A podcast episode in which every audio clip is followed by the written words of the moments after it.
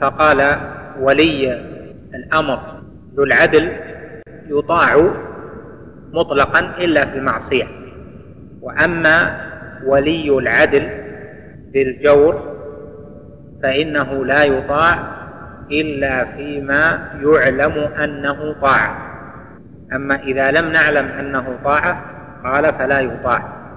وهذا الكلام وإن كان منسوبا إلى بعض كبار أهل العلم المتقدمين لكنه في مقابلة النصوص ومخالف لإطلاق الأئمة في هذه المسائل.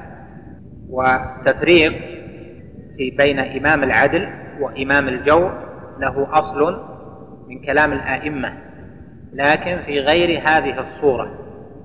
فهم فرقوا ما بين إمام العدل وإمام الجور في صورة الأمر بالقتل أو بالاعتداء فإنه إذا كان يعلم أن جوره في قتل من لا يستحق القتل فإنه إذا أمر أحدا أن يقتل فلانا قالوا لا يتعين عليه الطاعة لأنه قد يكون قتله ظلما إذا لم يستبن له أنه مستحق للقتل.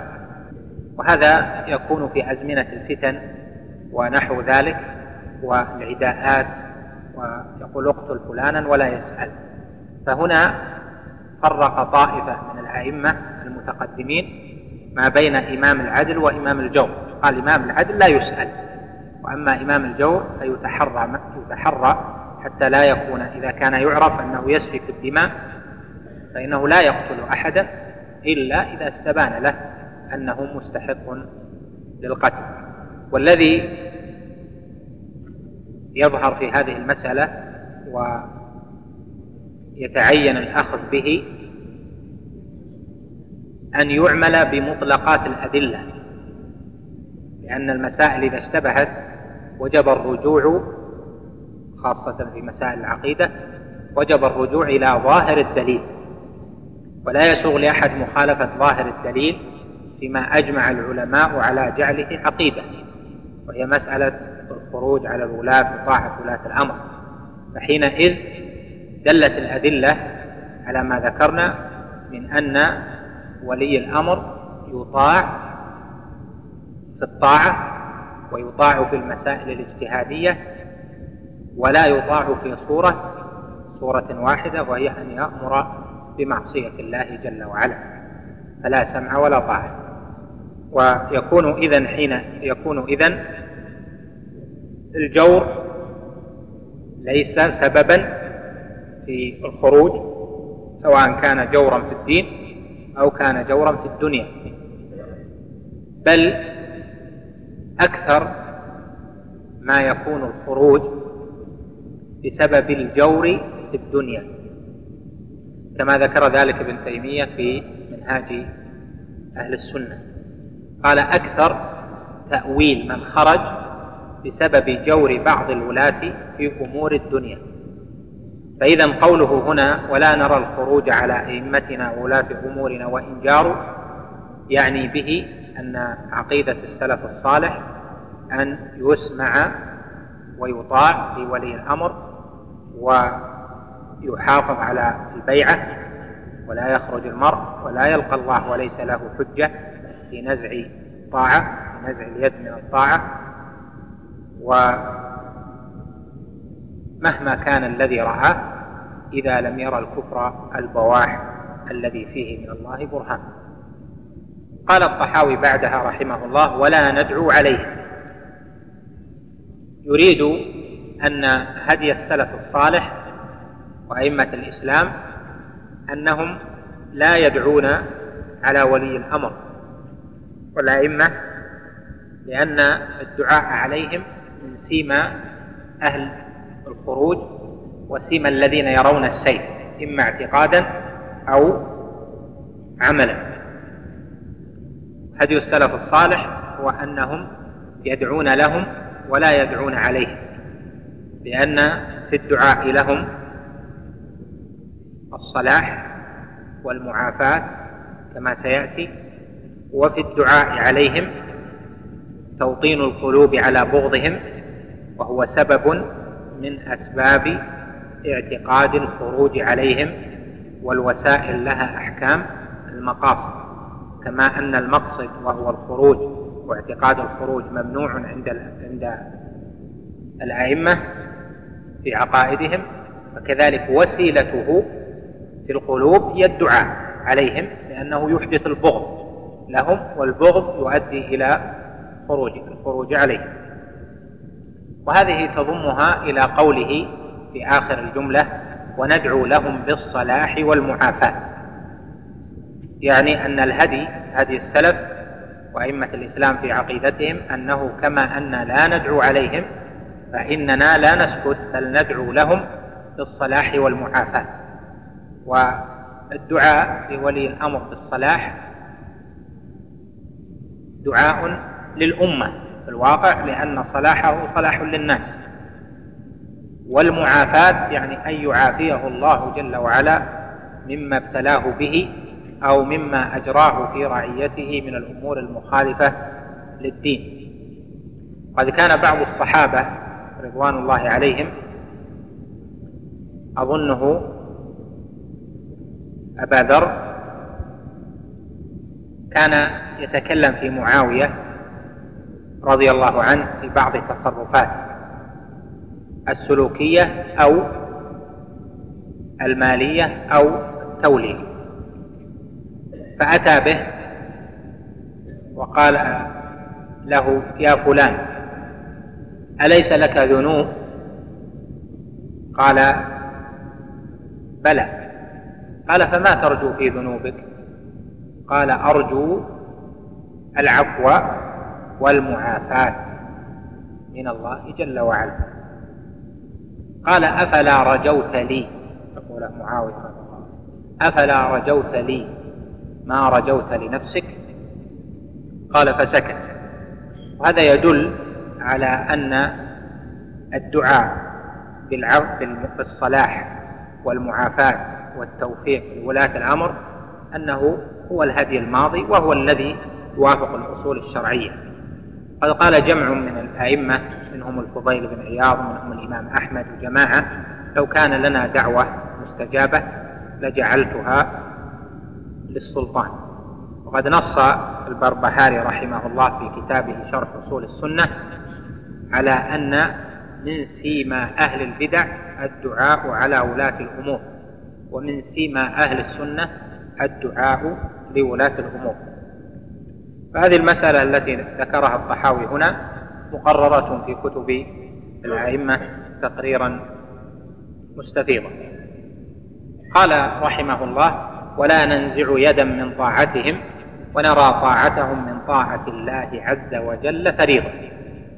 يريد أن أهل السنة لا ينزعون اليد من طاعة ولي الأمر. وذكر اليد لأنها وسيلة البيعة لأن البيعة تكون بصفقة اليد. وهذه هي بيعة أهل الحل والعقد بأن يبايع يدا بيد. وبيعة الناس تكون بمبايعة أهل الحل والعقد أو بمبايعة بعض المؤمنين لولي الأمر. فلا ننزع يدا من الطاعة يعني بعد البيعة باليد لأن هذا سيما الخوارج ونرى طاعتهم طاعة ولي الأمر فيما في غير المعصية من طاعة الله عز وجل فريضة واجب ما لم يأمروا بمعصية.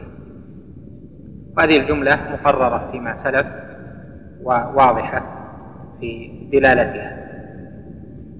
نقف عند قوله ونتبع السنة والجماعة ونجتنب الشذوذ والخلاف والفرقة.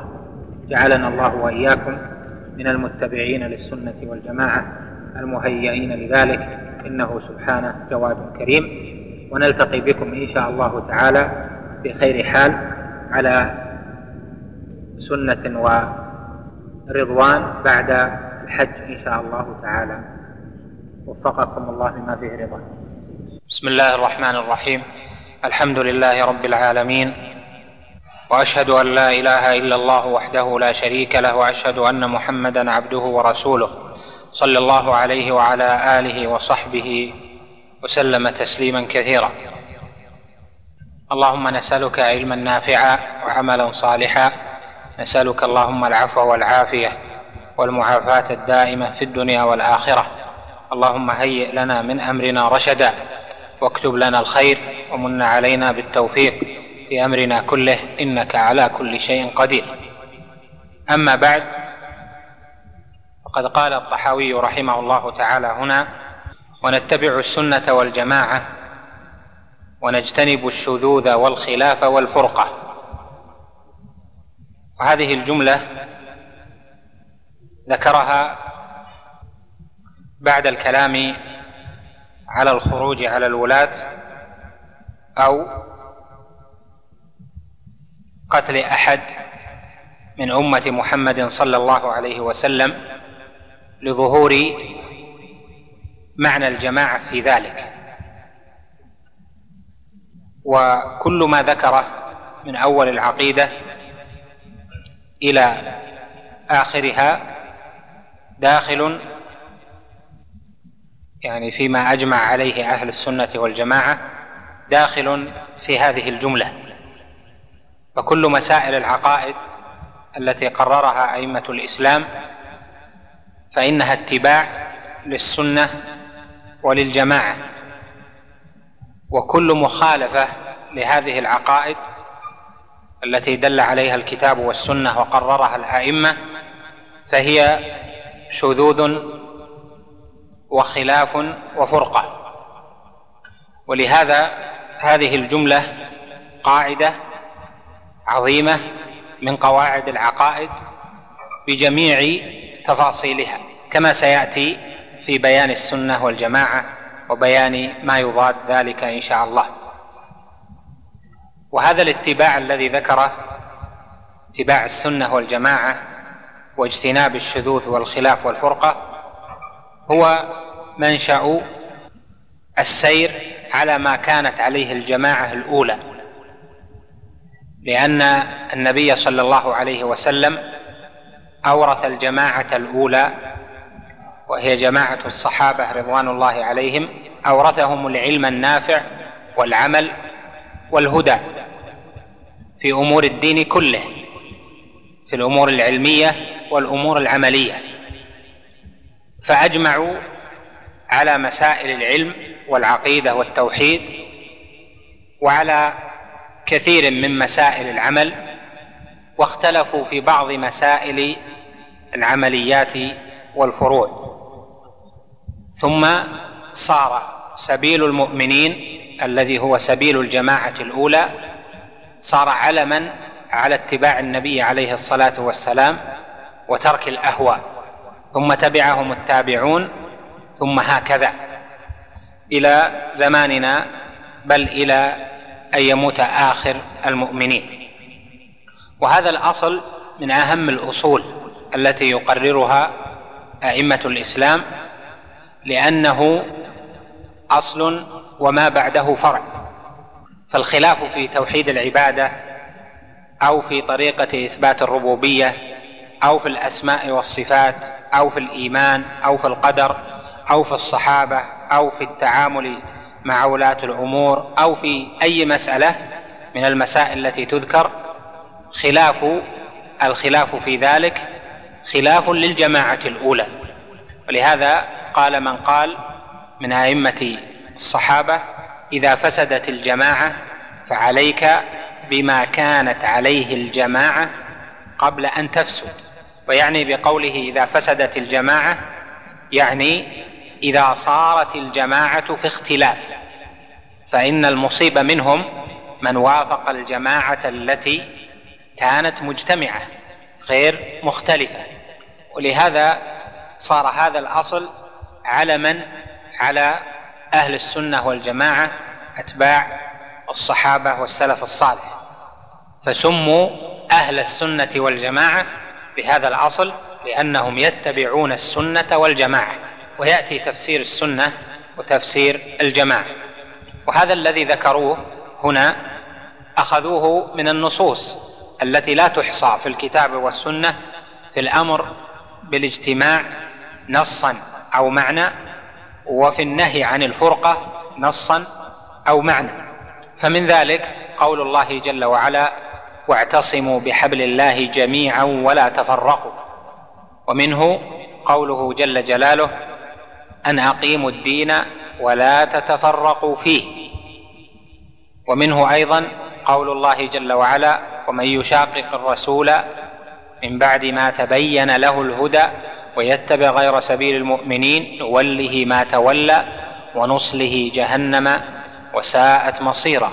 ومنه قوله أيضا جل جلاله قل أطيعوا الله والرسول فإن تولوا فإنما عليه ما حمل وعليكم ما حملتم يعني على الرسول ما حمل من بيان السنة وبيان الشريعة وتبليغ ذلك وعليكم ما حملتم من اتباع السنة والجماعة واتباع هدي النبي عليه الصلاة والسلام فحمل الرسول عليه الصلاة والسلام البلاغ وحملت الأمة الاتباع والمتابعة.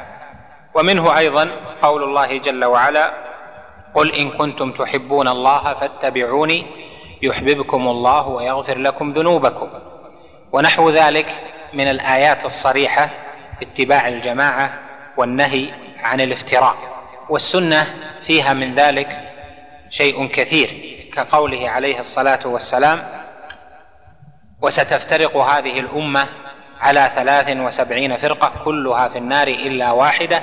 قالوا من هي يا رسول الله؟ قال هي الجماعة. وفي رواية قال هي ما كان على مثل ما أنا عليه اليوم وأصحابي. ومنه أيضا الأحاديث التي في خروج الخوارج واختلاف وخلاف الخوارج للصحابة وأمر النبي صلى الله عليه وسلم بقتلهم. فقال في وصفهم يمرقون من الدين كما يمرق السهم من الرمية. أينما لقيتموهم فاقتلوهم فإن في قتلهم أجرا لمن قتلهم وذلك لمخالفتهم للسنة والجماعة. كذلك قوله عليه الصلاة والسلام في أهل الأهوى يتجارى بهم الهوى كما يتجارى الكلب بصاحبه لا يبقى منه مفصل أو عرق إلا دخله. ومنه أيضا ما صح عنه عليه الصلاة والسلام بقوله الجماعة رحمة والفرقة عذاب. ومنه أيضا في قوله من أتاكم وأمركم جميع يريد أن يشق عصاكم فاقتلوه كائنا من كان. ومنه أيضا قول النبي دعاء النبي عليه الصلاة والسلام ألا يجعل بأس هذه الأمة بعضها ببعض قال فمنعنيها. ونحو ذلك من الأدلة التي تدل على هذا الأصل العظيم. فاذا هذا الأصل الأدلة عليه بمنزلة التواتر لكثرة ما دل عليه بل هو أظهر أصول الشريعة. فإن الخلاف والفرقة عما كان عليه النبي عليه الصلاة والسلام والجماعة الأولى هو حقيقة خلاف لرب العالمين واتباع غير السبيل الذي يرضى عنه جل جلاله. فاذا هذا الأصل كما ذكرنا في أول الكلام ذكره الطحاوي لأن كل مسائل العقيدة يتفرع عنه. وإذا تبين ذلك فنقول إن مسائل الاعتقاد التي يذكرها أهل السنة والجماعة منها ما هو من سبيل المقاصد ومنها ما هو من سبيل الوسائل إلى المقاصد ومنها وهو القسم الثالث ما هو من سبيل المحافظة على المقاصد. فأما الأول وهو المقاصد هي أركان الإيمان الستة. وأما الثاني وهو وسائل حفظ المقاصد وهو وسائل المقاصد الوسائل إلى تحقيق المقاصد فهي القواعد العامة في التلقي والأخذ لأنها لا يحفظ أصل إلا بدليل بقاعدة. فلهذا صار هذا الكلام هنا وهو قوله ونتبع السنة والجماعة ونجتنب الشذوذ والخلاف والفرقة هذا له حكم المقاصد من جهة وله حكم الوسائل من جهة أخرى لأن اتباع السنة والجماعة مقصد تعبدي مطلوب قل أطيعوا الله وأطيعوا الرسول. والثاني وهو اجتناب الشذوذ والخلاف والفرقة هذا من وسائل المحافظة على أصول الاعتقاد. وفي هذه الجملة مسائل. المسألة الأولى معنى الاتباع في قوله ونتبع السنة والجماعة. معنى الاتباع. الاتباع هو أن تقفو أثر الشيء. تبعه أي قفى أثره. اتباع الحق أن تقفو الأثر والأثر سواء أكان أثر دليل أو كان أثر مسير يعني أثر قول أو أثر مسير كل منهما دليل. ولهذا صار الاتباع موسوما عند أهل العلم بأنه أخذ القول بدليله. ويقابل هذا التقليد يقابل الاتباع التقليد.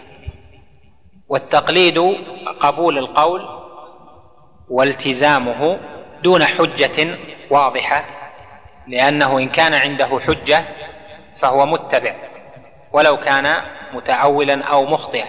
وإذا كان ليست عنده حجة وإنما يتعصب أو يقبل قول الغير هكذا لأنه قاله فقط مع ظهور الحجة في خلافه فهذا يسمى مقلدا لأنه جعل القول قلادة له دون بيان. والتقليد في الاعتقاد فيه تفصيل فما كان من مما يشترط لصحة الإسلام والإيمان فلا ينفع فيه التقليد بل لا بد فيه من أخذ القول بدليله وجوبا لأن هذا هو العلم الذي أمر الله جل وعلا به في قوله فاعلم أنه لا إله إلا الله واستغفر لذنبك. أما التقليد في الاستدلال فلا بأس به يعني أن يعلم وجه الدليل من الحجة ويقلد العالم في الاقتناع بهذا الدليل يعني بوجه الاستدلال. فهذا لا بأس به لأن المجتهد في فهم الدليل هذا قليل في الأمة. فإذا الواجب وش و في الاتباع وما يحرم من التقليد في العقيدة وما كان من أصول الإسلام يعني ما لا يصح الإسلام إلا به مثل العلم بالشهادتين وأركان الإيمان الخمسة الستة وفرض أركان الإسلام الخمسة. إذا كان التقليد كذلك فهل يشترط استدامة العلم واستصحاب العلم والاتباع أم لا يشترط؟ الذي عليه العلماء المحققون وقرروه أن الاستدامة ليست شرطا وإنما يكفي أن يعلم الحق في هذه المسائل في عمره مرة بدليله ويأخذ ذلك ويقتنع به. يأخذ ذلك عن دليل وبينة ثم يعمل بما دل عليه. فمن تعلم مسألة تعلم معنى الشهادتين في عمره ثم بعد ذلك نسي المعنى أو تعلم أدلة أركان الإيمان ثم نسي أو تعلم فرضية الأركان الخمسة أركان الإسلام أو الأربعة العملية ثم جاءه فترة ونسي فإن هذا لا يؤثر ولا يأثم بذلك. المهم أن يكون أصل استسلامه عن دليل فيما لا يصح الإيمان والإسلام إلا به.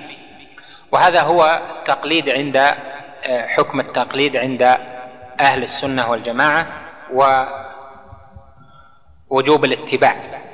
وأما المخالفون من أهل الكلام من المعتزلة والأشاعرة وجماعات فإنهم جعلوا العلم الواجب هو النظر أو القصد إلى النظر أو إلى آخره من أقوالهم ويعنون بذلك النظر في الكونيات. وأهل السنة يقولون الاتباع النظر في الأدلة الشرعية يعني النظر في الشرعيات. وأولئك عندهم النظر في الكونيات. لأنهم جعلوا أن أصل الإسلام والإيمان إنما يصح إذا نظر في برهان وجود الله جل جلاله. وأما أهل السنة والجماعة فقالوا وجود الله جل وعلا مركوز في الفطر وإنما يتعلم ما يجب عليه أن يعتقده وما يجب عليه أن يعلمه مما أمر الله جل وعلا به وجعله فارقا بين المؤمن والكافر. وبالمقابل التقليد التقليد عندهم في الكونيات وعندنا التقليد في الأقوال والشرعيات. وثم تفاصيل لمسألة الاتباع والتقليد في مناهج التلقي ما بين أهل السنة والمخالفين. المسألة الثانية معنى السنة هنا. السنة يراد بها العلم الموروث عن النبي عليه الصلاة والسلام في مسائل الاعتقاد المسائل الغيبية وما يتصل بذلك من الوسائل وما يحافظ به على الأصول. فما دلت عليه الأدلة من كلام النبي صلى الله عليه وسلم وكان عليه هديه فإنه السنة الماضية التي يجب اتباعها وترك ما خالفها لأن المسائل العلمية في الغيبيات البيان فيها واضح وليست مجالا للاختلاف وتنوع الآراء والأقوال. لهذا سمى طائفة من العلماء ممن صنفوا في التوحيد سموا كتبهم السنة وهي كثيرة جدا كالسنة لعبد الله بن الإمام أحمد والسنة للخلال والسنة لابن أبي عاصم والسنة للطبراني وكذلك السنة في كتب الحديث يعني في أثناء الكتاب قد يبوب بعضه بعضهم بكتاب الاعتصام بالكتاب والسنة أو السنة أو ما أشبه ذلك. فإذا يجمع السنة أنه هدي النبي صلى الله عليه وسلم في العلم في هذا الموطن العلميات يعني فيما يعلم ويعتقد فانه فإن منهجنا اتباع السنة في ذلك والا نخوض فيه بالعقليات. المسألة الثالثة الجماعة. الجماعة تطلق إطلاقين. تطلق الجماعة ويراد بها الجماعة في الدين. الجماعة في العلم بما أمر الله جل وعلا به أن يعتقد أو في تصديق الأخبار في الكتاب والسنة. وهذه الجماعة تكون في الدين. الجماعة في الدين يعني الاجتماع على الدين الواحد.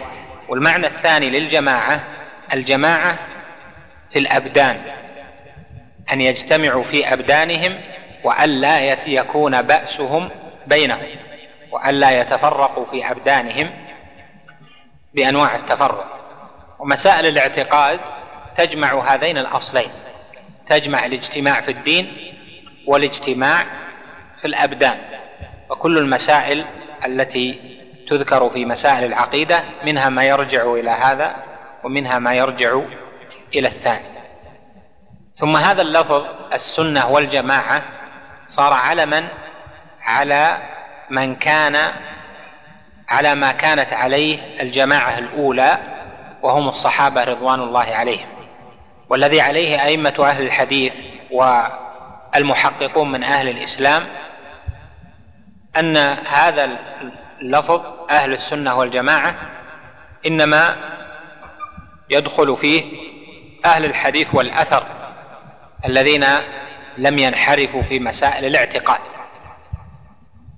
وقد ذهب بعض الحنابلة من المتأخرين وبعض الأشاعرة وجماعات من الفقهاء إلى أن لفظ أهل السنة والجماعة يشمل ثلاث طوائف. يشمل أهل الحديث والأثر والأشاعرة والماتريدية. وممن صرح بذلك السفاريني في كتابه لوامع الأنوار وجماعة آخرون. وهذا ليس بصحيح لأن الأشاعرة والماتريدية خالفوا السنة والجماعة في مسائل كثيرة معلومة فهم في إثبات وجود الله جل وعلا خالفوا طريقة القرآن والسنة. وفي تفسير لا إله إلا الله خالفوا ما دل عليه القرآن والسنة كان عليه السلف. وفي إثبات الصفات خالفوا وقالوا نهج السلف أو طريقة السلف أسلم وطريقتنا أعلم وأحكم. وجعلوا الصواب بين التأويل والتفويض وكل نص أوهم التشبيه أوله أو فوض ورم تنزيها فالتأويل عندهم حق والتفويض حق وأما الإثبات فليس بحق. وفي مسائل الإيمان خالفوا وقالوا بالإرجاء فعندهم الإيمان هو التصديق فقط دون الإقرار. والعمل وفي مسائل القدر هم جبرية متوسطة وفي مسائل أخر خالفوا أيضا مما يضيق المقام عن ذكره.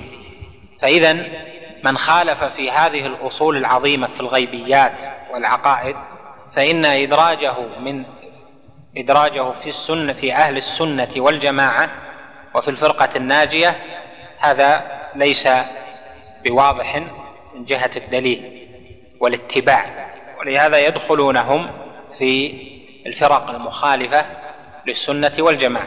لكن ينبغي أن يعلم أن إطلاق السنة قد يراد به ما يقابل الرافضة والشيعة والخوارج. فيدخل في إطلاق أهل السنة الأشعرية والماتريدية والمرجئة وجماعات لأجل مقابلتهم بالفرق التي ضلالها عظيم.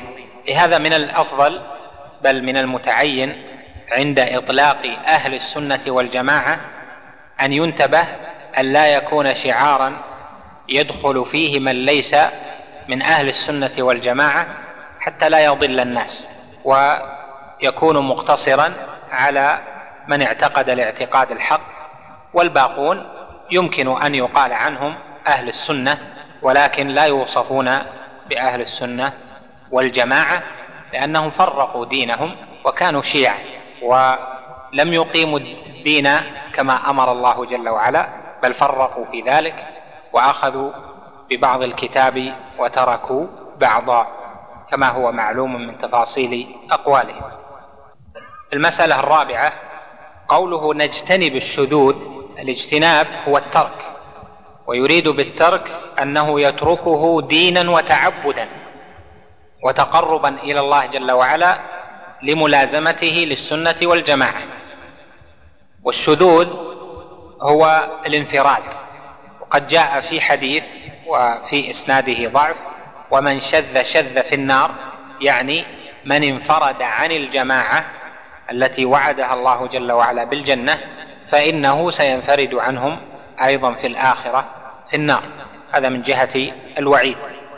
فمعنى الشذوذ في العلم والعقيدة الانفراد بأشياء ليس عليها الدليل ولم تكن عليها الجماعة الأولى.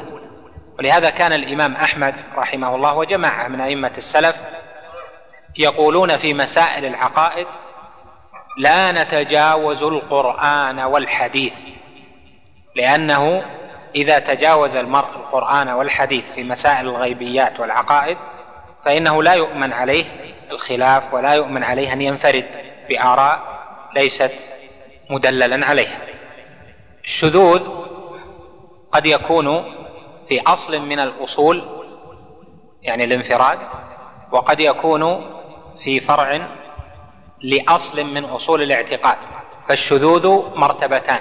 المرتبة الأولى أن ينفرد ويشذ في اصل من الأصول يعني في الصفات الإيمان في القدر. فهذا بانفراده في الاصل يخرج من الاسم العام المطلق لأهل السنة والجماعة. والمرتبة الثانية أن يوافق في الأصول لكن يخالف في فرع لأصل أو في فرد من أفراد ذلك الأصل. مثلا يؤمن بإثبات الصفات وإثبات استواء الرب جل جلاله على عرشه وبعلو الرب جل جلاله وبصفات الرحمن سبحانه وتعالى لكن يقول بعض الصفات أنا لا أثبتها. لا أثبت صفة الساق لله جل وعلا أو لا أثبت صفة الصورة. لله جل وعلا أو أثبت أن لله جل وعلا أعينا أو أثبت أن لله جل وعلا كذا وكذا مما خالف به ما عليه الجماعه فهذا لا يكون تاركا لأهل السنة والجماعة بل يكون غلط غلط في ذلك وأخطأ ولا يتبع على ما زل فيه. بل يعرف أنه أخطأ والغالب أن هؤلاء متأولون في الاتباع.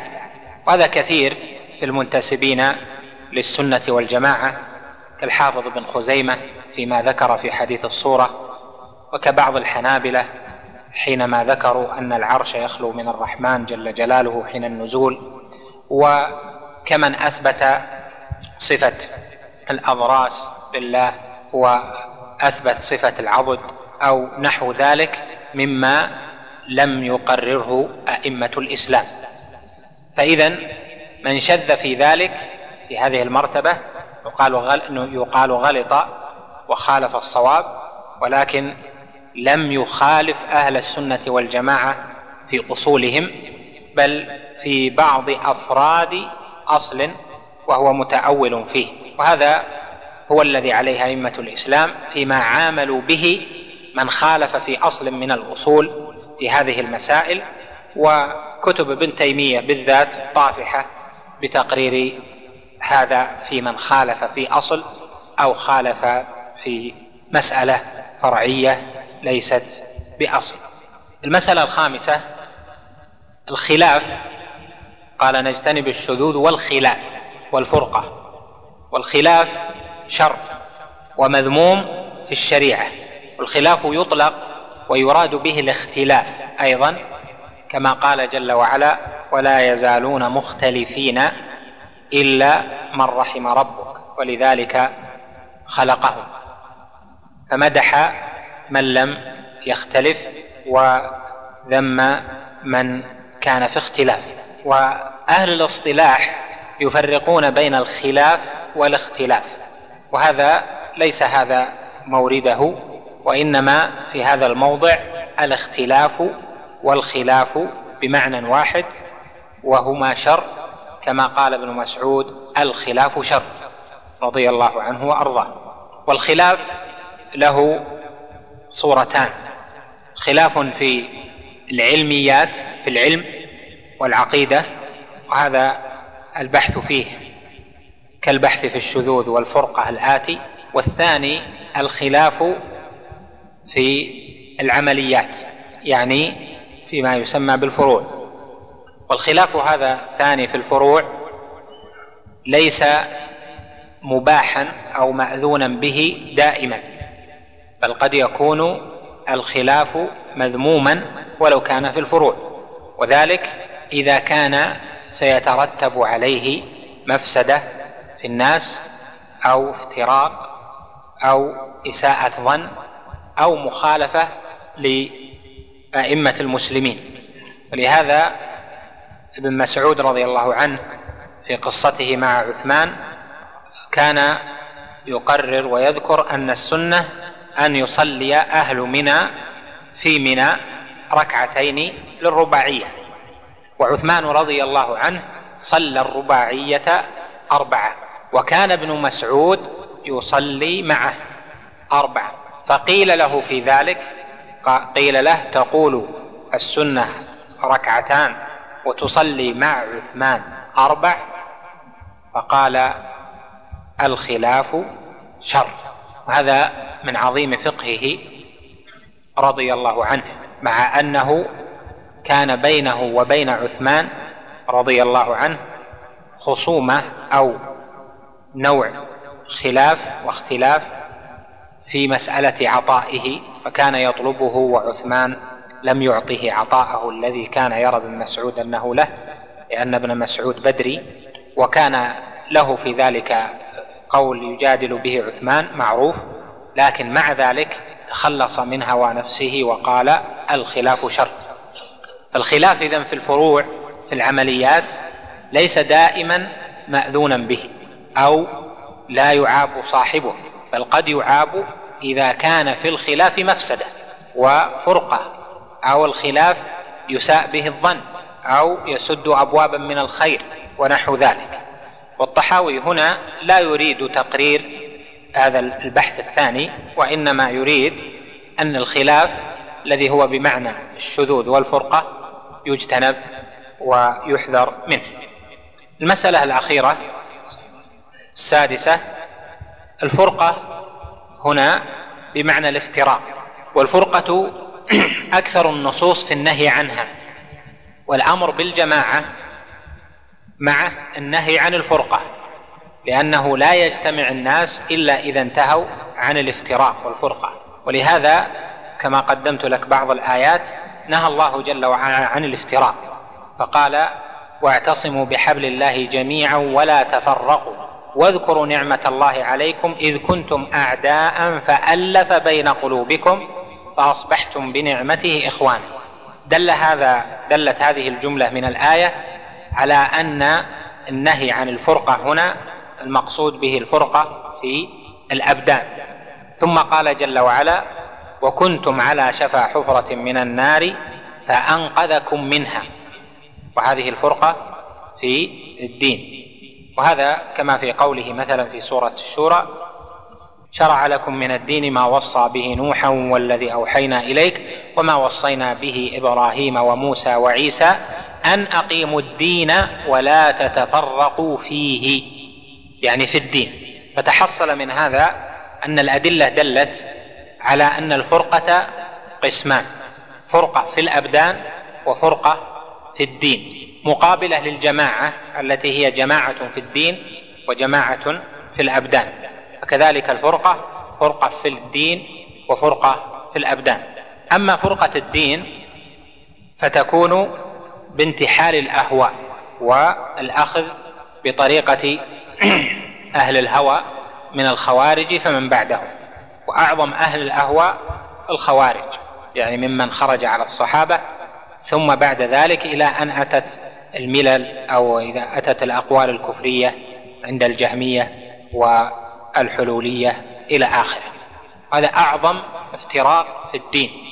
فإن الله جل وعلا جعل الدين واضحا لا لبس فيه في أصوله وعقائده وفي قواعده العلمية لا لبس فيه.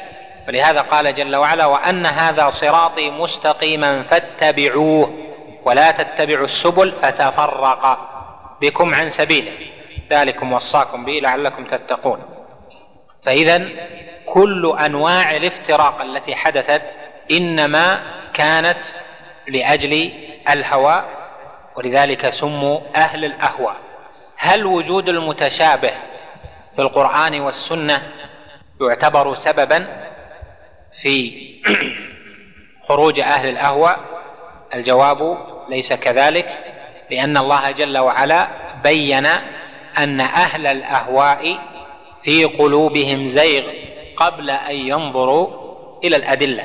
فقال جل وعلا وأما الذين في قلوبهم زيغ فأما الذين في قلوبهم زيغ فيتبعون ما تشابه منه ابتغاء الفتنة وابتغاء تأويله. قال سبحانه في أول الآية هو الذي أنزل عليك الكتاب منه آيات محكمات هن أم الكتاب وأخر متشابهات. فبين جل جلاله أنه جعل كتابه منه محكم ومنه متشابه يعني يشتبه على المرء العلم به. ما الذي حصل؟ أن الذين في قلوبهم زيغ اتبعوا.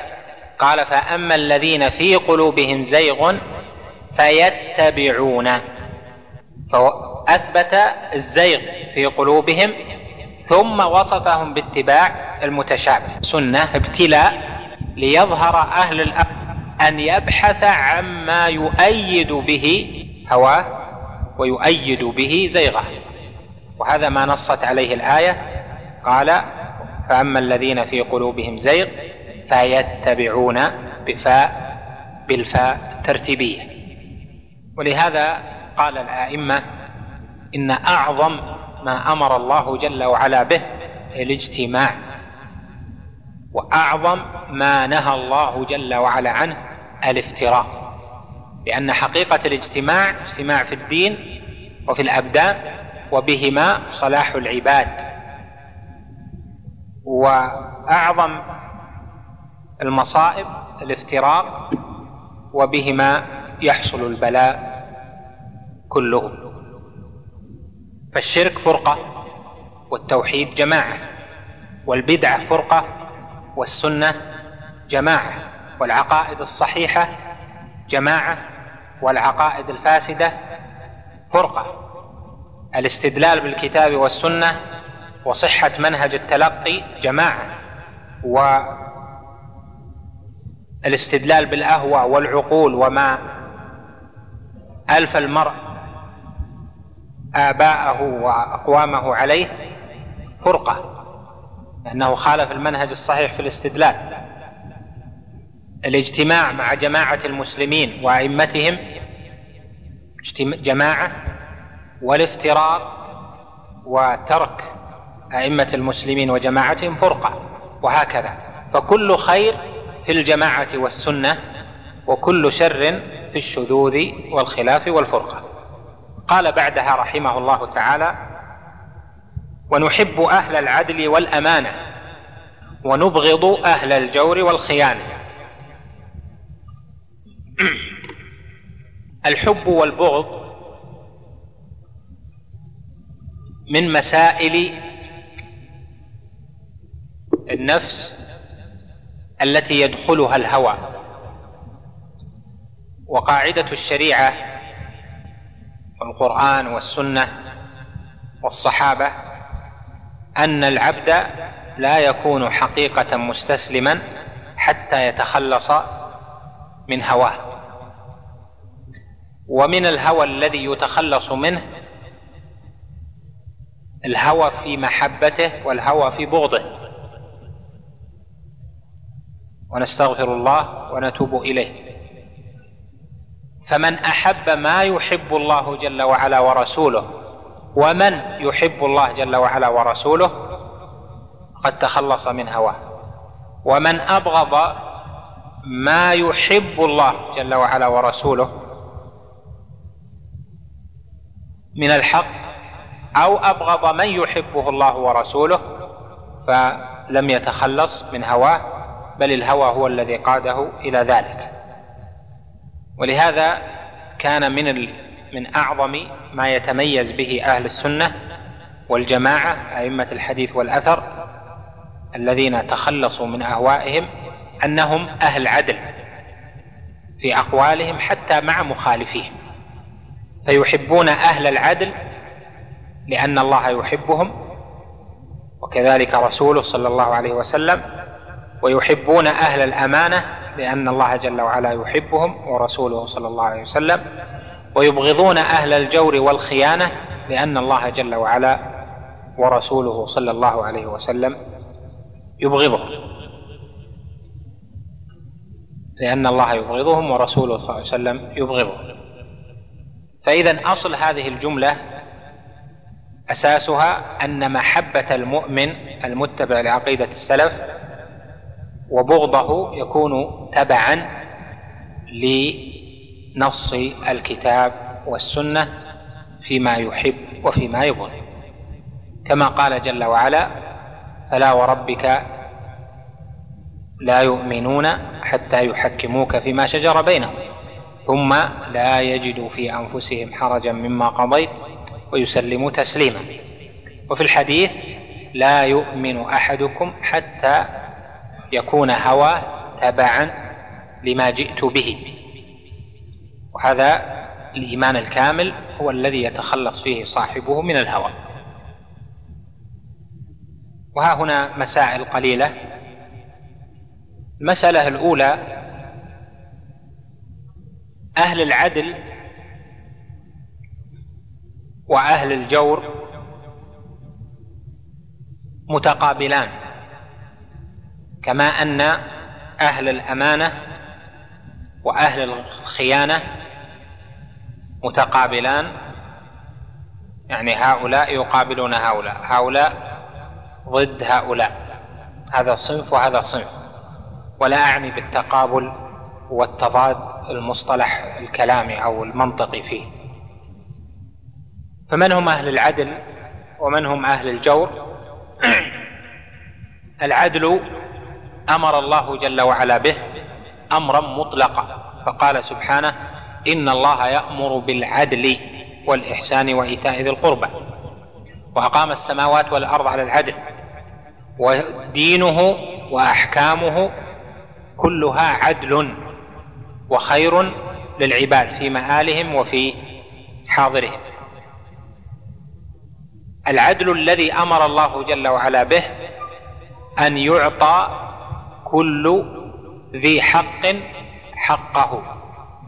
أن تعطي الله جل وعلا حقه الذي أمرك به وأن تعطي رسوله صلى الله عليه وسلم حقه الذي أمرت به وأن تعطي الصحابة حقهم الذي أمرت به وأن تعطي المؤمنين حقهم الذي أمرت به وهكذا في سائر أحكام الشريعة. ولهذا قال بعض التابعين في على هذه الآية إن الله يأمر بالعدل والإحسان وإيتاء ذي القربى. قال أتت هذه الآية على جميع المأمورات يعني في العلميات وفي العمليات. لأن المأمور إما أن يكون عدلا في العلم والعمل وإما أن يكون فضلا في العمليات والعبادات وأنواع التعامل. يقابله أهل الجور وهم أهل الظلم. والجور هو الحيف وهو بمعنى الظلم.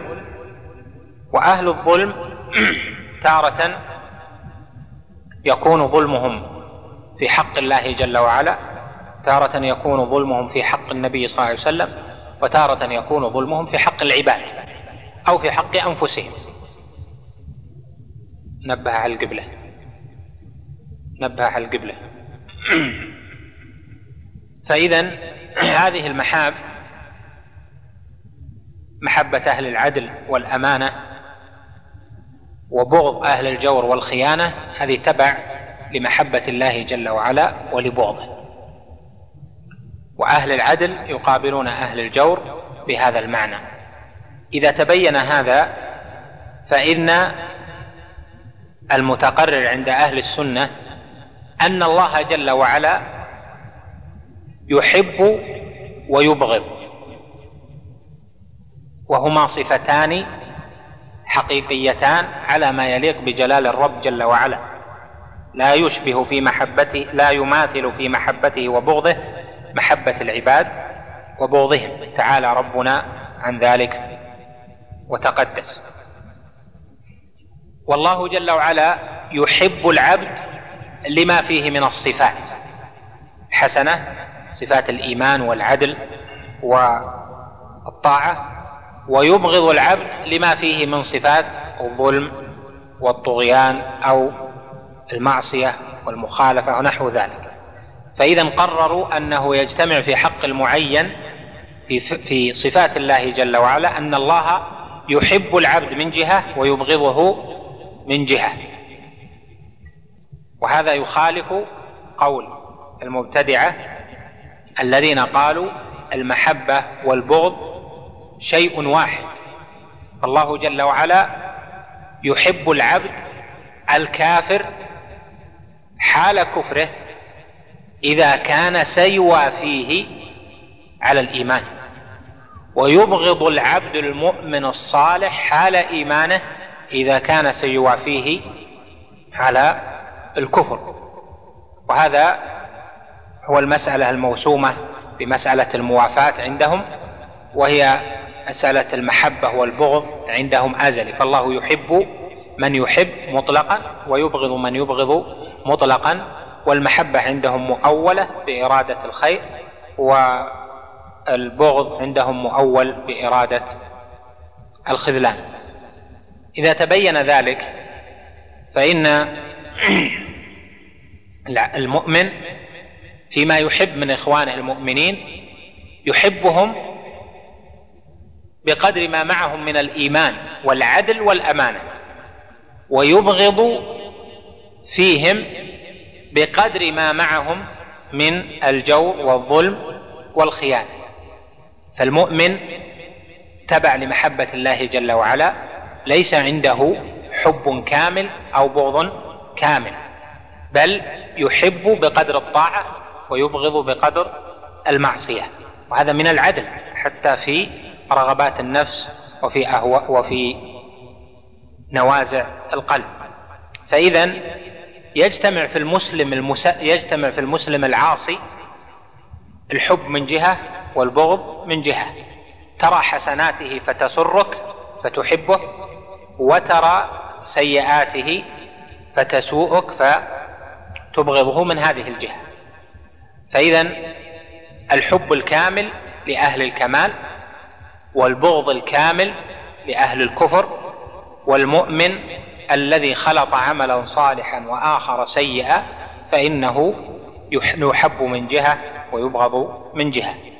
وهذا أهل السنة والجماعة فيه تبع لما دلت عليه النصوص التي أوجبت موالاة المؤمن ما دام اسم الإيمان باقيا عليه والبراءة من الكافر ما دام اسم الكفر علما عليه. المسألة الثانية الأمانة والخيانة متقابلان أيضا ويعنى بالأمانة هنا الوفاء بأمانة التكاليف. التي أخذ الله جل وعلا العهد من آدم عليها في قوله إنا عرضنا الأمانة على السماوات والأرض والجبال فأبين أن يحملنها وأشفقن منها وحملها الإنسان إنه كان ظلوما جهولا. وأصح الأقوال في تفسير الأمانة هنا أنها أمانة التكاليف يعني أن يقبل أنه يخاطب بالأمر بالأمر والنهي وبعد ذلك الثواب والعقاب. والخيانة ضد الأمانة وهي عدم رعاية التكاليف. فرجع الأمر إلى أن حقيقة الأمانة في معناها الواسع يرجع إلى التكاليف العقدية وإلى التكاليف العملية والخيانة إلى التكاليف العقد إلى التكاليف العقدية خان فيها وإلى التكاليف العملية. فالأمر إذن فيه نوع ترادف في معناه الواسع مع العدل والجور. فأهل العدل والأمانة بالمعنى الواسع يقابلون كطائفة أهل الجور والخيانة. فهؤلاء يحبون وهؤلاء يبغضون ومن كان فيه عدل وأمانة وفيه جور وخيانة فإنه يحب من جهة ويبغض من جهة. قال بعد ذلك رحمه الله تعالى ونقول الله أعلم فيما اشتبه علينا علمه. نقول يريد به أتباع الأئمة الأربعة وأتباع أهل الحديث والأثر فإنهم يمتثلون ما أمر الله جل وعلا به في أنهم لا يقولون على الله ما لا يعلمون وأنهم لا يقفون ما لا يعلمون. امتثالا لقوله جل جلاله ولا تقف ما ليس لك به علم إن السمع والبصر والفؤاد كل أولئك كان عنه مسؤولا. وقال جل وعلا في بيان المحرمات وأن تشركوا بالله ما لم ينزل به سلطانا وأن تقولوا على الله ما لا تعلمون. فالقول على الله جل وعلا بلا علم محرم و هو قرين للكفر والشرك. لأنه ما حصل الشرك والكفر وعبادة غير الله جل وعلا إلا بالقول على الله بلا علم. سيقول الذين أشركوا لو شاء الله ما أشركنا ولا آباؤنا ولا حرمنا من شيء. فإذا كل ضلال حصل إنما هو بالقول على الله جل وعلا بلا علم. فأهل السنة والجماعة اتباع الحديث والأثر فيهم تخلي عن أهوائهم وغلبة لأنفسهم وامتثال لأمر الله جل وعلا وأمر رسوله صلى الله عليه وسلم. فيقولون الله أعلم فيما لا يعلمون. ولهذا جبريل عليه السلام في القصة في حديث جبريل في سؤاله للنبي عليه الصلاة والسلام الحديث المعروف سؤاله عن الإسلام والإيمان إلى آخره قال عمر رضي الله عنه في آخره لما سأله النبي صلى الله عليه وسلم يا عمر أتدري من السائل؟ قال الله ورسوله أعلم. قال هذا جبريل جاءكم يعلمكم أمر دينكم. فالصحابة رضوان الله عليهم استعملوا هذا الأصل في عهده عليه الصلاة والسلام واستعمله العلماء والأئمة إلى وقتنا الحاضر. ونذكر مسألتين المسألة الأولى.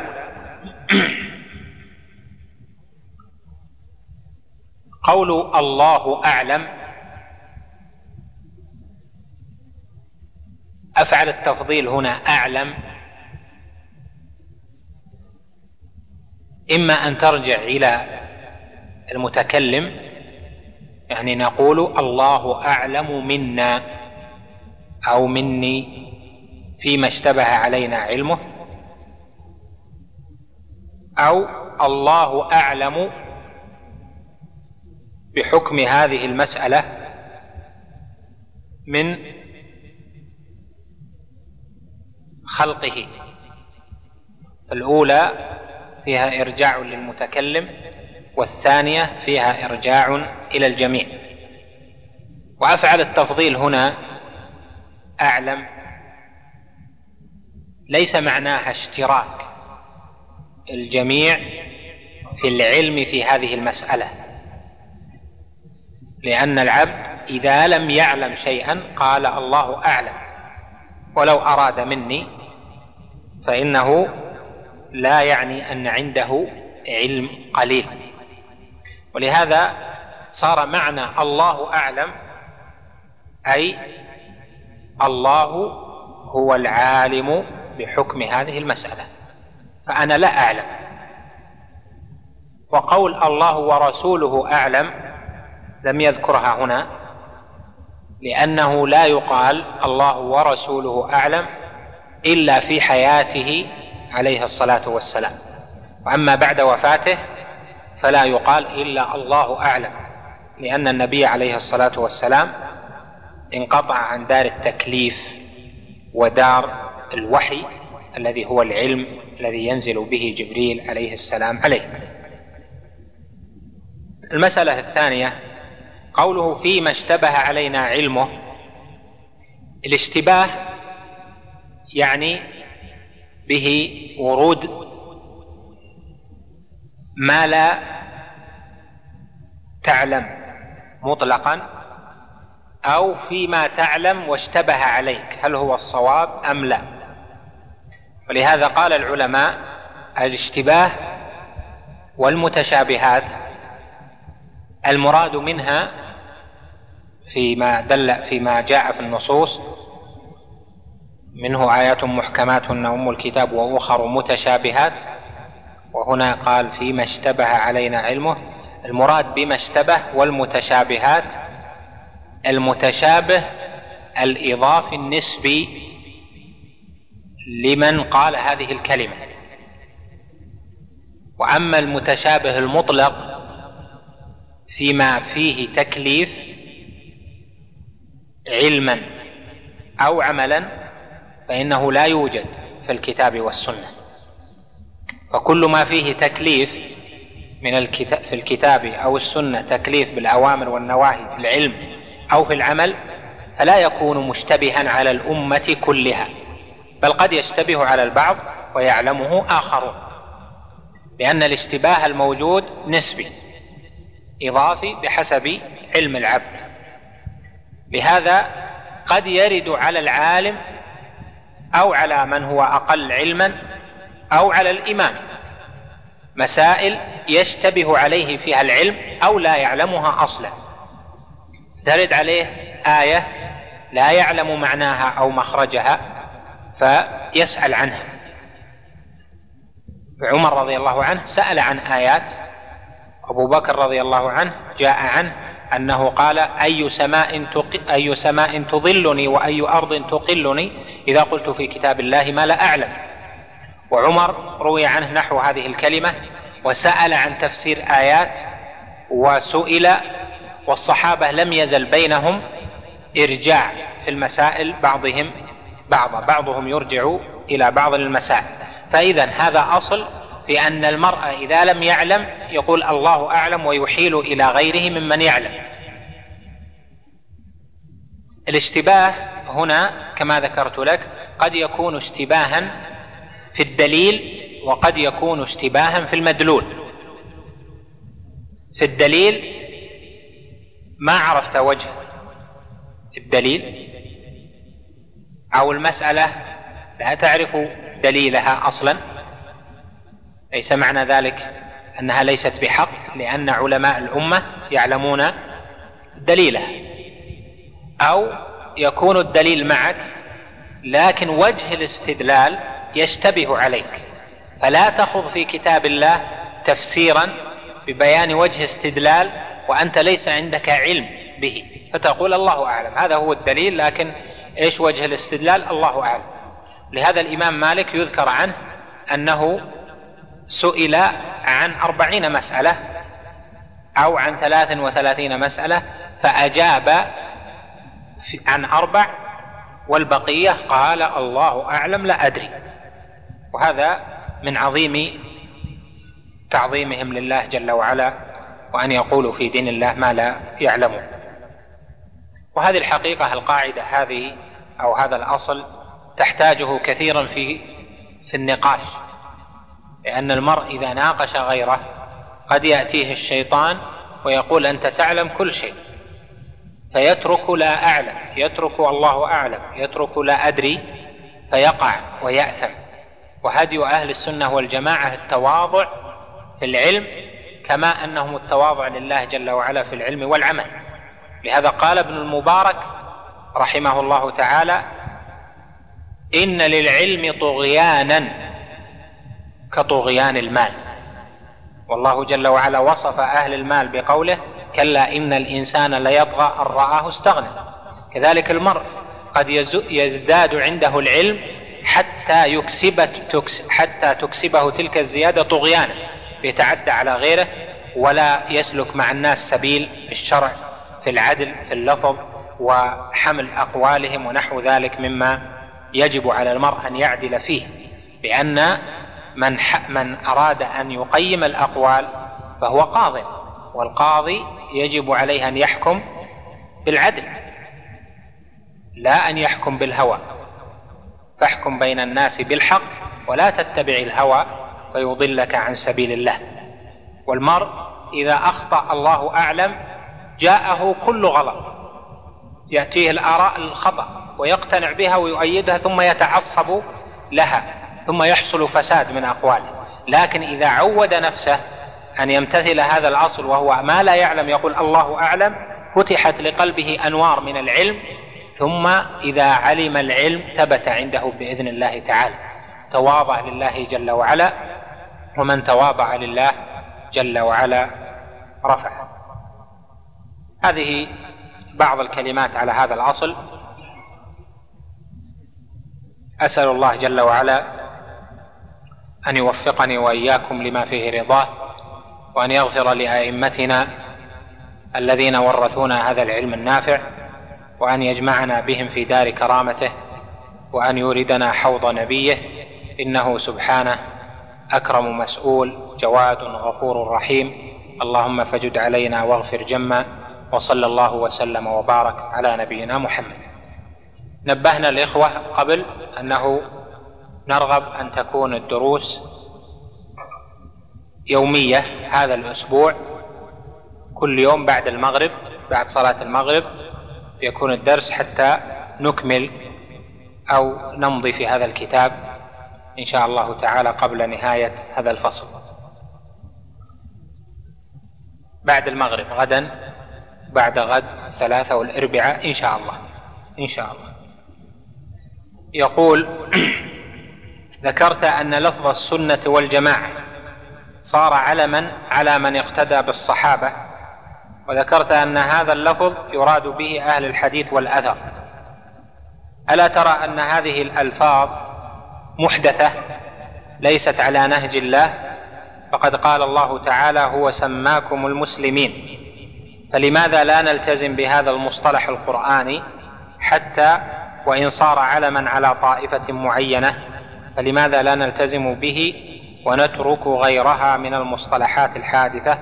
وجزاكم الله خيرا اولا قبل الدخول في الجواب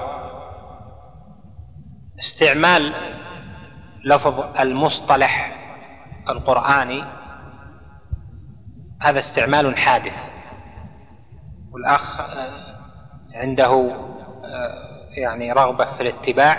لفظ المصطلح القرآني أو المصطلحات القرآنية هذه من الألفاظ الحادثة التي مرت قرون الإسلام ولا تعرف لا تعرف هذا اللفظ.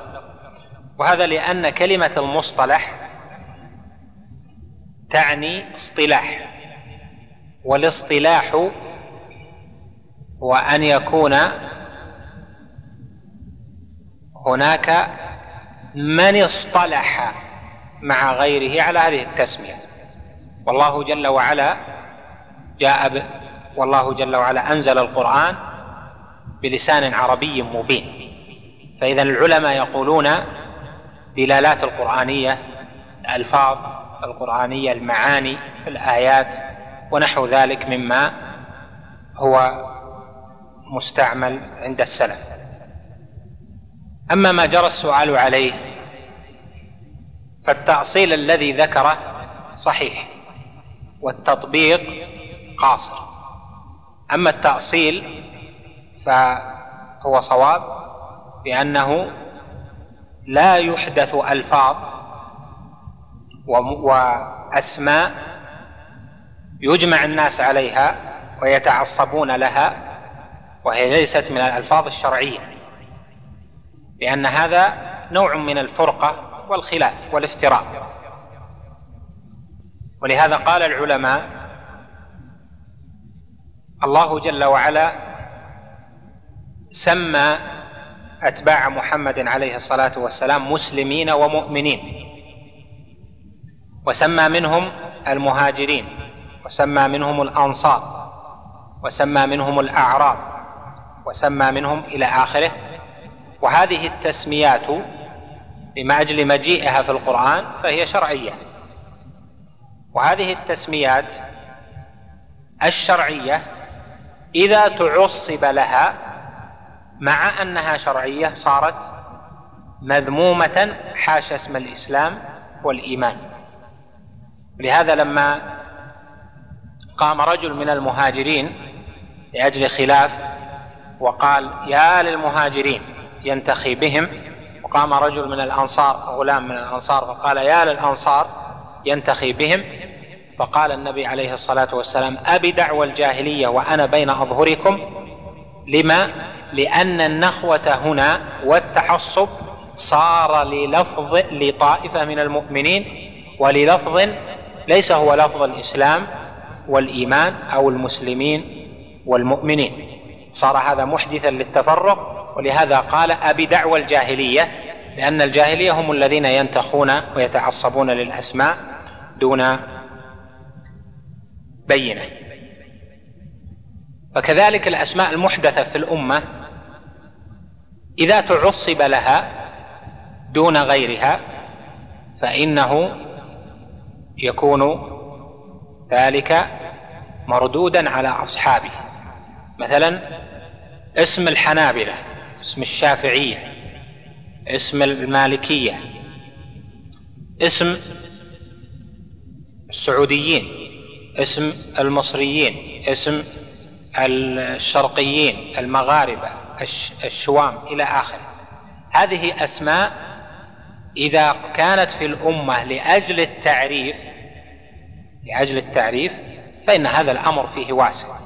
لكن إن كان ثم تعصب عليها وذم لما خالفها لأجل الاسم أن يمدح الشافعية لأجل أنهم شافعية ويذم الحنابلة لأنهم ليسوا بشافعية أو العكس فإن هذا من التعصب المذموم وهو من التفرق والأخذ بالشعارات أو الأسماء التي لم يدل عليها الدليل.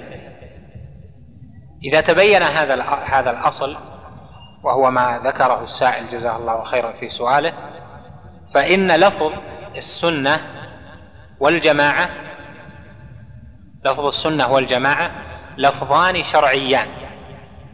قد ثبت عنه عليه الصلاة والسلام أنه قال عليكم بسنتي وسنة الخلفاء الراشدين المهديين من بعدي وسنته هي سنته وسنة الخلفاء الراشدين هي ما كان عليه الجماعة في وقت الخلفاء الراشدين.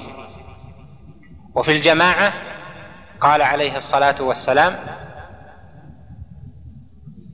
في الفراق كلها في النار إلا واحدة. قالوا من هي يا رسول الله؟ قال هي الجماعة. والله جل وعلا أمر باتباع نبيه عليه الصلاة والسلام فقال وما آتاكم الرسول فخذوه. مطلقا في كل مسألة. وما نهاكم عنه فانتهوا. مطلق في كل مسألة. يعني الأخذ بالسنة.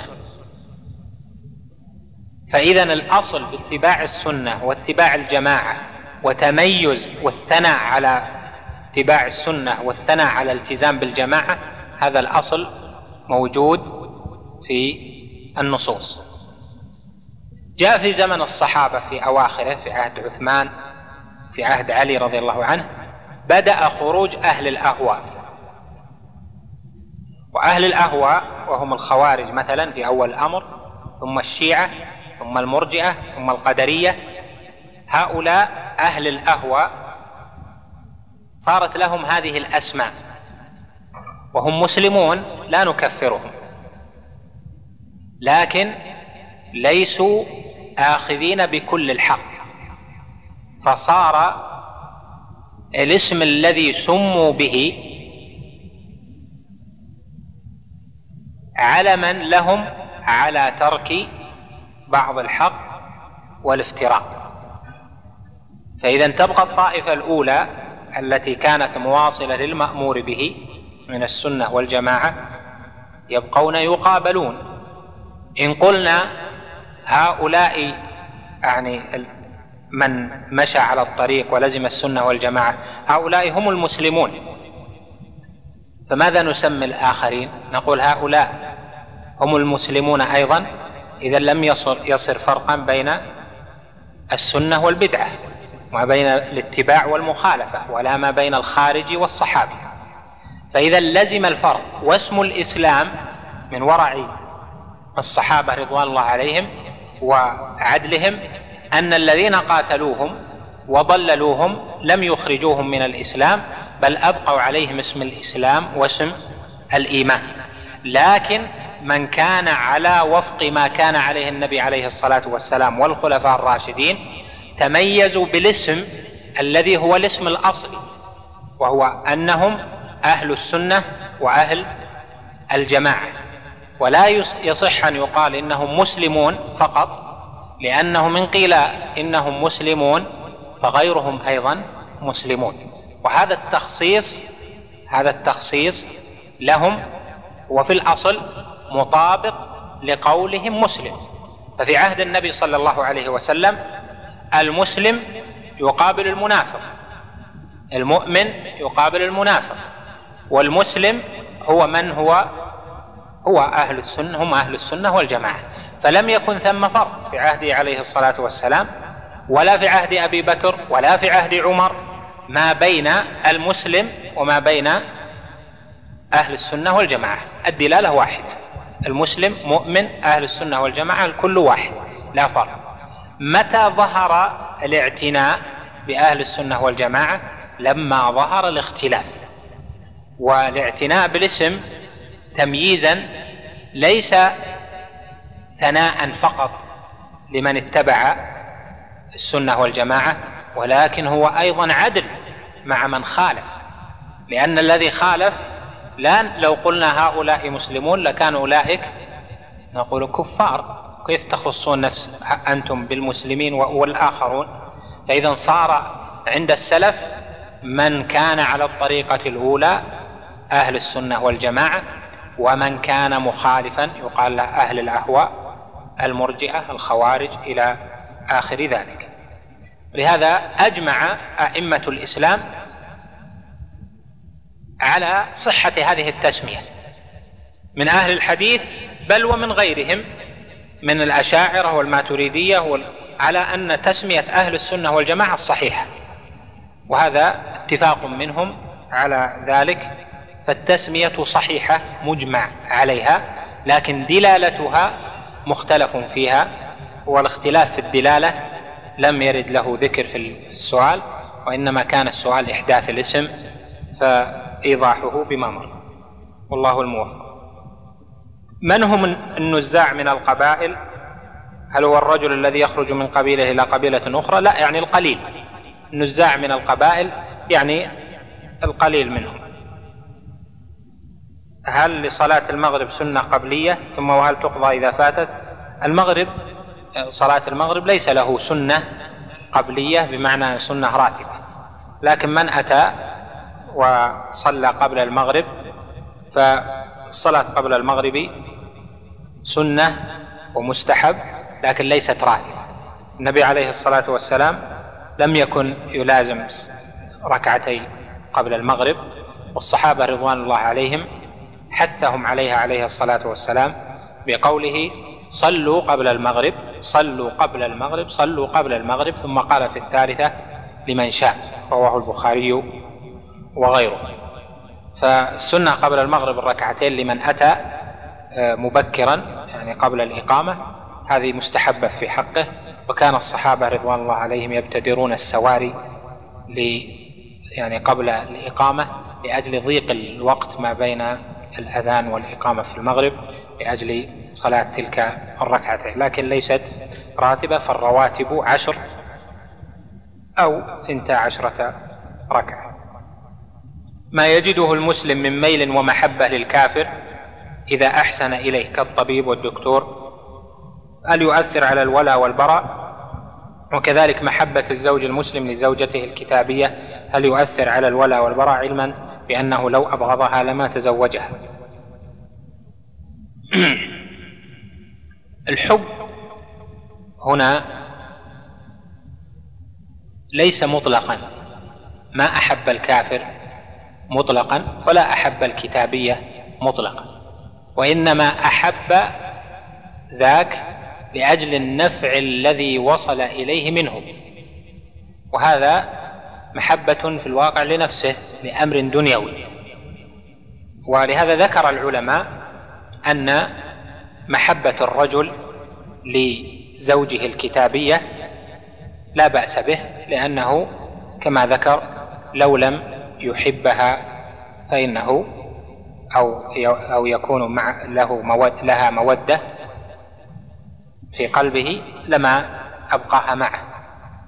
لكن المحبة التي هي في الولاء والبراء حقيقة الولاء والبراء المحبة والبغض المحبة لدينه وهو من أحب الكافر لدينه فإنه يكفر. أو المحبة لدنياه مطلقا وهذه موادة له لا تجوز ونوع موالاه والثالث محبة مقيدة لأجل النفع المقيد الحاصل له منه فهذه فيها سعة لأجل أن النفوس جبلت على حب من أحسن إليها. والذي ينبغي من جهة الكمال أن يكون تعامل المرء مع الكفار تعاملا ظاهريا بالعدل ولا يكون في قلبه ميل لهم ولا مودة لهم وإنما إذا أحسنوا إليه فإنهم فإنه يحسن اليهم استدل أهل العلم على هذه على هذه الصورة الثالثة بحديث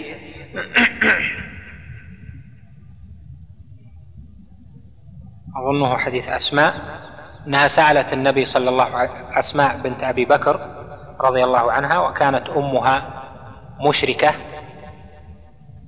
وقدمت عليهم في المدينة فسألت النبي صلى الله عليه وسلم عن أمها قالت أأصل أمي؟ قال نعم صلي أمك. والصلة المراد بها في هذا الحديث أنها تكرمها إكرام الوالد لولده إذا إكرام الولد لوالده إذا قدم عليه وهذا الإكرام لا يخلو من بل لا بد فيه من موده.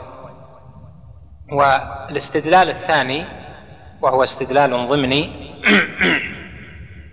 بأن الله جل وعلا نهى عن الإحسان إلى المحاربين وأذن بالصلة والإحسان لمن لم يحارب من الكفار.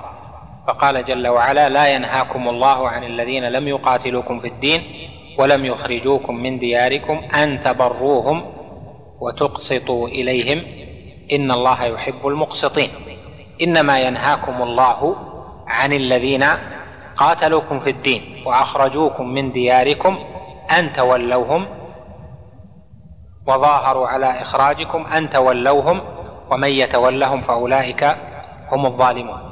وقوله هنا أن تولوهم في وصف المحاربين يدل على أن غير المحاربين له نوع موالاة جائزة بالإحسان والمودة الجزئية ونحو ذلك. وهذا واضح بالمقابلة. المقصود من ذلك أن يعلم أن يعلم أن الولاء والبراء للكافر يعني المعين ثلاث درجات. الموالاة محبة الكافر لكفره هذا كفر. ومحبته وموادته وإكرامه للدنيا مطلقا هذا لا يجوز ومحرم ونوع موالاة مذموم. والثالث وهو أن يكون في مقابلة نعمة أو في مقابلة قرابة فإن نوع المودة الحاصلة أو الإحسان أو نحو ذلك في غير المحاربين هذا فيه رخصة. والله جل وعلا أعلم وصلى الله وسلم على نبينا محمد. أخي المستمع الكريم تابع ما تبقى من مادة هذا الشريط على الشريط التالي. مع تحيات تسجيلات الراية الإسلامية بالرياض.